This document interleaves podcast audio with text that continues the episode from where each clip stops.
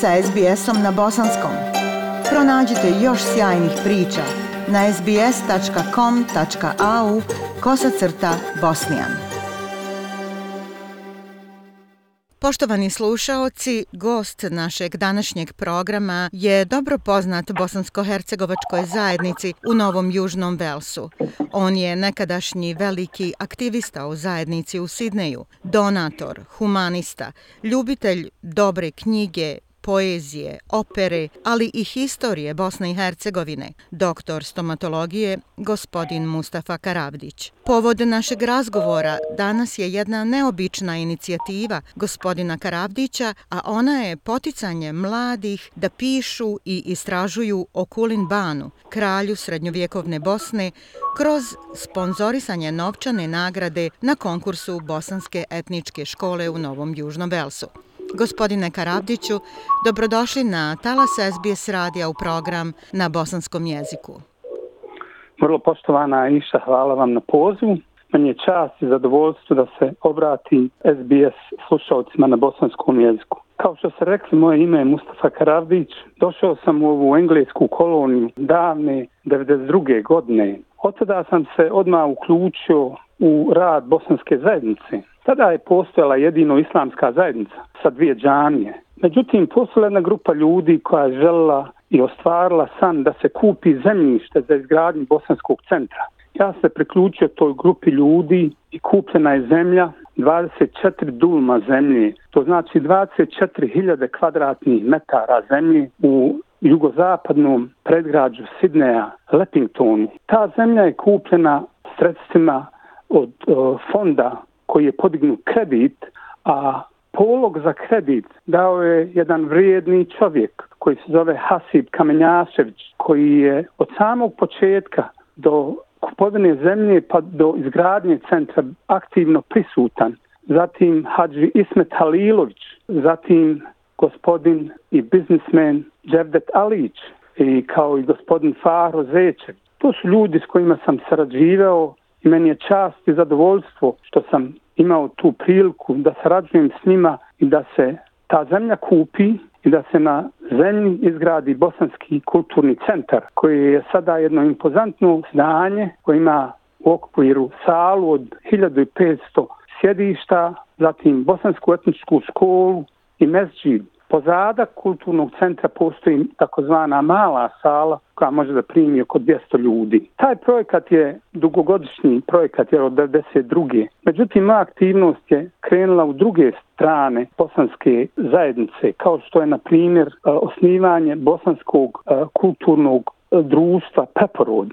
Kroz Bosansko kulturno društvo Preporod napravili smo mnogo aktivnosti. Za ovu priliku, za vaše slušalce, ja bih pomenuo dva vrlo važna projekta a to je osnivanje Svjetskog saveza dijaspore Bosne i Hercegovine. Kako bi to rekli englezi, Svjetski savez dijaspore Bosne i Hercegovine My Brain Child. Dakle, ja sam otac tog Svjetskog saveza jer sam poslao pisma na 260 adresa širom svijeta I onda je došlo to sastanka u Londonu na kojem je održan prvi svjetski kongres bosansko-hercegovičke dijaspore 23. juna 2001. To je jedan važan projekat gdje smo u okviru raznih druženja kroz kongrese ujedinili bosansko-hercegovičku dijasporu kao što znate milion ljudi, preko milion ljudi iz Bosne i Hercegovine van. Drugi važan projekat koji bi želio da pomenem je bosanski nacionalni program koji smo objavili isto tako širom svijeta,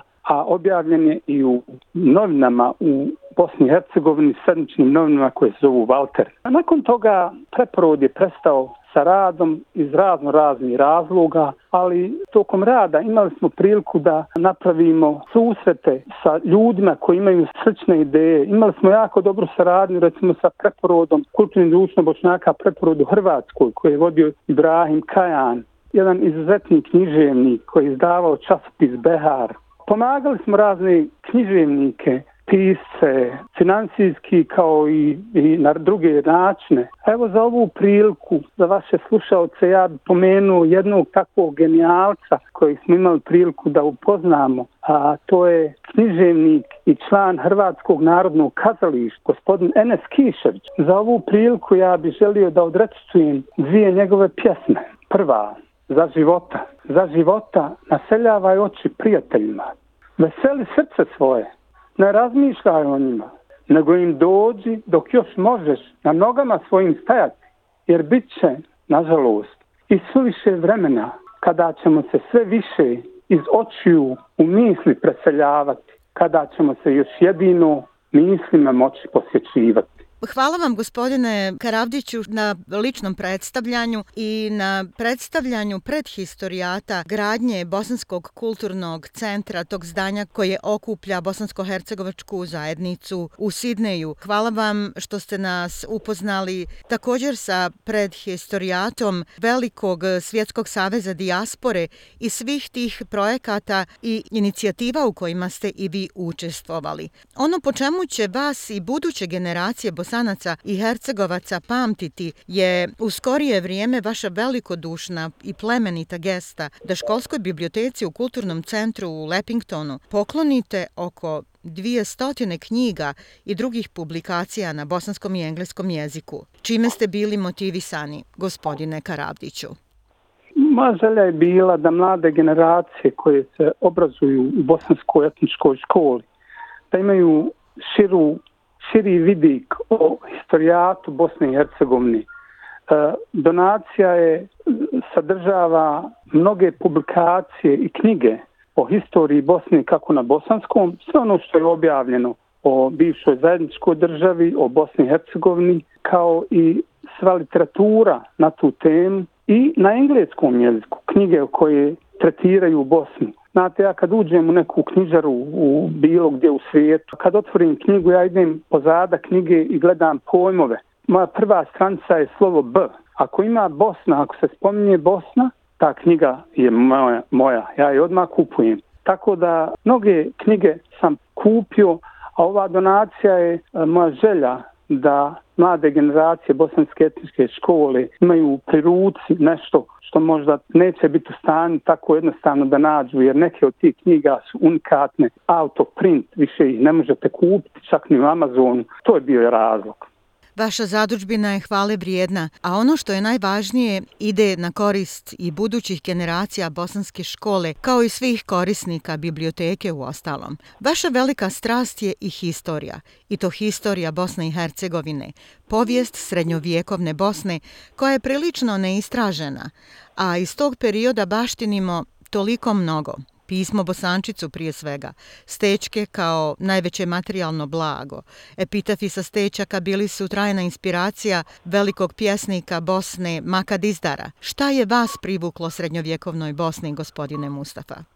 E pa upravo kod traženje te historije Bosne, koja je nažalost u toj zajedničkoj državi nije prezentirana nama, da mi u stvari ništa ne znamo o istoriji zato su mogli da govore vi ste islamske vjere, vi ste došli sa istoka, možete ići nazad na istok, što nije tačno. Nakon prestanka rada preporoda, ja sam osnovao drugu instituciju koja se zove The Bosnian Foundation of International Policy, Kulin Ban. Kulin Ban, kao što znate, bio je vladar Bosne od 1180. do 1204. godine sa izuzetkom jednog vojnog pohoda kojeg je protiv Bizantije vodio 1183. Bosna je njegovu vladavinu provela u miru.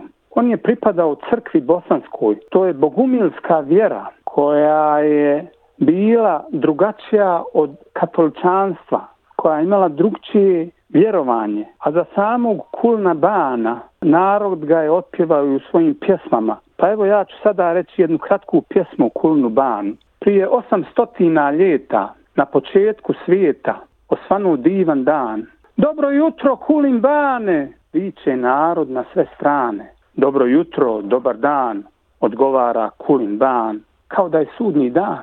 Reci nama, kulim bane, kakva Bosna čeka dane. Zamisli se kulim ban, kao da je sudni dan. Kada dođu teški dani, nikom neće teže biti. A kad dođu dani sreće, nikom bolje biti neće reče mudri kulin ban kao da je sudni dan. Od kulina bana pa do današnjeg dana. Hvala vam što ste podijelili s nama ove lijepe stihove. U tom smislu želite da svoju ljubav prema povijesti prenesete mlađim naraštajima i kroz e, doniranje nagrade za najbolji rad o Kulinbanu. Mi se nadamo da će se što više mladih ljudi uključiti u istraživački i literarni rad prijavljujući se na konkurs Bosanske etničke škole u Sidneju. Možete li, gospodine Karavđiću, poručiti u tom kontekstu našim slušaocima nešto važno? Kako da ne? Meni je e, osnivanje ove bosanske Bosnian Foundation of International Policy Kulin Ban, koji sam uz veliku pomoć mojih dragih prijatelja, gospodina Omera Ajana, koji inače poznat bosanskoj zajednici, a u Bosni inače poznat u časopisu Ljiljan njegov tekst, vjerovali ili ne, proslavljeno osnivanje Jugoslavije nagrađeni člankom godine, kao i gospodin Sabit Milinkić. Njihova imena pominjem sa velikim zadovoljstvom i ponosom, jer su bili i sada moji saradnici i molim Bogumilskog Boga da im pomogne na ovom i na onom svijetu. Dakle, ta organizacija je za mene početak mog zanimanja za srednjovjekovnu Bosnu, a sam konkurs je moja želja da mlade generacije, da neko od njih pokaže interes za taj dio Bosne, za taj period Bosne, pa možda i zavoli, pa jednog dana završi možda istoriju da li ovdje, da li ode u Bosnu, pa da napiše knjigu o tom periodu, a ne da ja tražim knjige koje je napisao recimo Amerikanac o Bosanskoj crkvi, o, o Bogumilima da je napisao knjigu engleski eh, historičar Sir Steven Runciman, aristokrata, vrlo lijepu knjigu, ali on je englez. Zašto? Zato želim da mlade generacije ovdje nauče nešto o tom periodu i možda kažem ta želje i povuče da krenu u istraživanje historije. Pridružujemo se vašim željama, gospodine Karavdiću, i hvala vam na ovom razgovoru i u ime svih trenutnih i budućih čitalaca na darivanju i obogaćivanju biblioteke u Bosanskom kulturnom centru u Sidneju. Želim vam puno uspjeha u vašem daljem radu i svako dobro. Poštovana Aisha, ako mogu da na kraj da kažem drugu pjesmu od Enesa Kiše, Naravno, bilo vrlo drago. Druga pjesma se zove Ima ljudi. Ne možeš reći nema ljudi. To je kao da veliš nema nade i među mrtvima ima ljudi. Ima ljudi jačih od riječi, jačih od zlata, jačih od mržnje, jačih od svojega srca. Samo se ti ljudi ne vide. Nemoj govoriti nema ljudi. I među mrtvima ima ljudi. Još uvijek ima ljudi slabih na dobrotu, gorkih na nepravdu. Ljudi jačih od svojega imena, jačih od svoje vjere. Kako možeš reći nema ljudi? Ima ljudi. Još uvijek na svijetu ima ljudi. Ljudi puni stida, samo se ti ljudi ne čuju u našem glasu. Ni svjetlo se ne čuje, a svijetli. Poštovana Aisha, hvala vam na ovom razgovoru i ako mogu za kraj da kažem, ja vjerujem u bogumilskog boga, Bosnu i Wagnera. SBS na bosanskom. Podijelite naše priče preko Facebooka. Želite poslušati još ovakvih priča? Slušajte preko Apple podcasta, Google podcasta, Spotify ili kako god da primate svoje podcastove.